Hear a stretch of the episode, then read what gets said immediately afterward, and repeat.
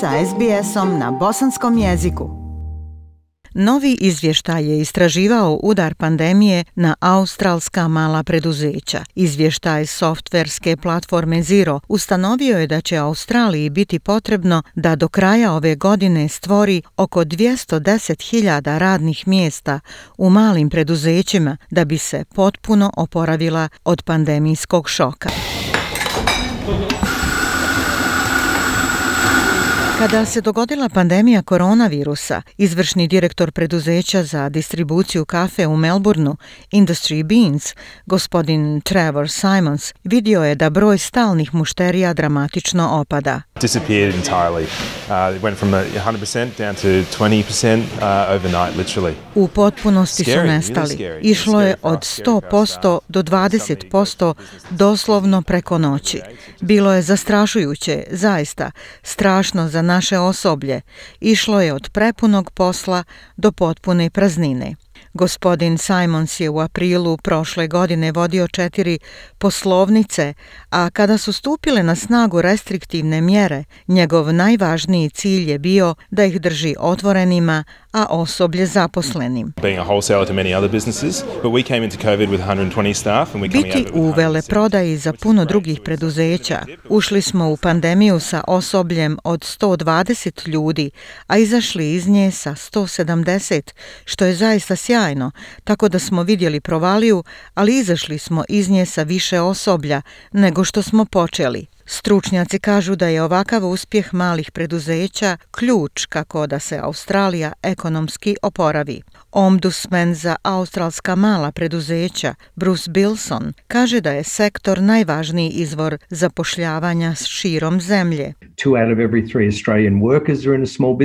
Dvojica od svakog trećeg australskog radnika su u malim preduzećima. 99% poslova u našoj privredi su u malim preduzećima, tako da će njihov uspjeh biti pokretačka snaga oporavka naše privrede.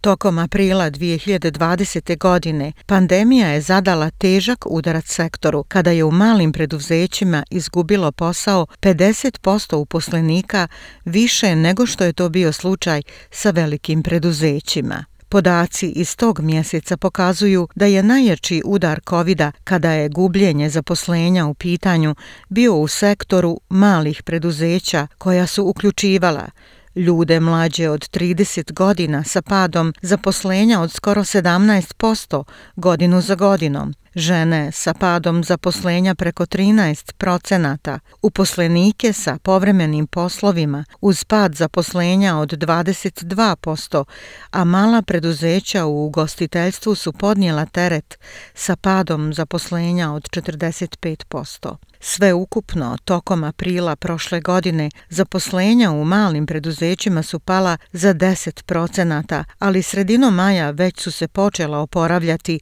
i taj porast se nastavlja. Do marta ove godine broj zaposlenja u malim preduzećima skoro se vratio na onaj nivo od prije pandemije i Bruce Bilson kaže da su mala preduzeća vodeća u oporavku Australije. Uh,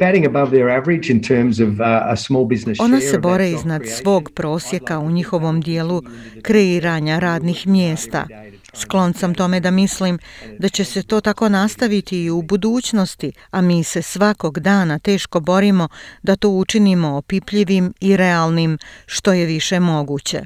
Istraživanje pokazuje da je Australiji potrebno da stvori preko 200.000 radnih mjesta u malim preduzećima do kraja godine da bi se potpuno oporavila od šoka uslijed pandemije. Ekonomistica platforme Zero, Louis Soutal, kaže da grafikon uzima u obzir gubitak zaposlenja i za ostataka do putanje rasta zaposlenja.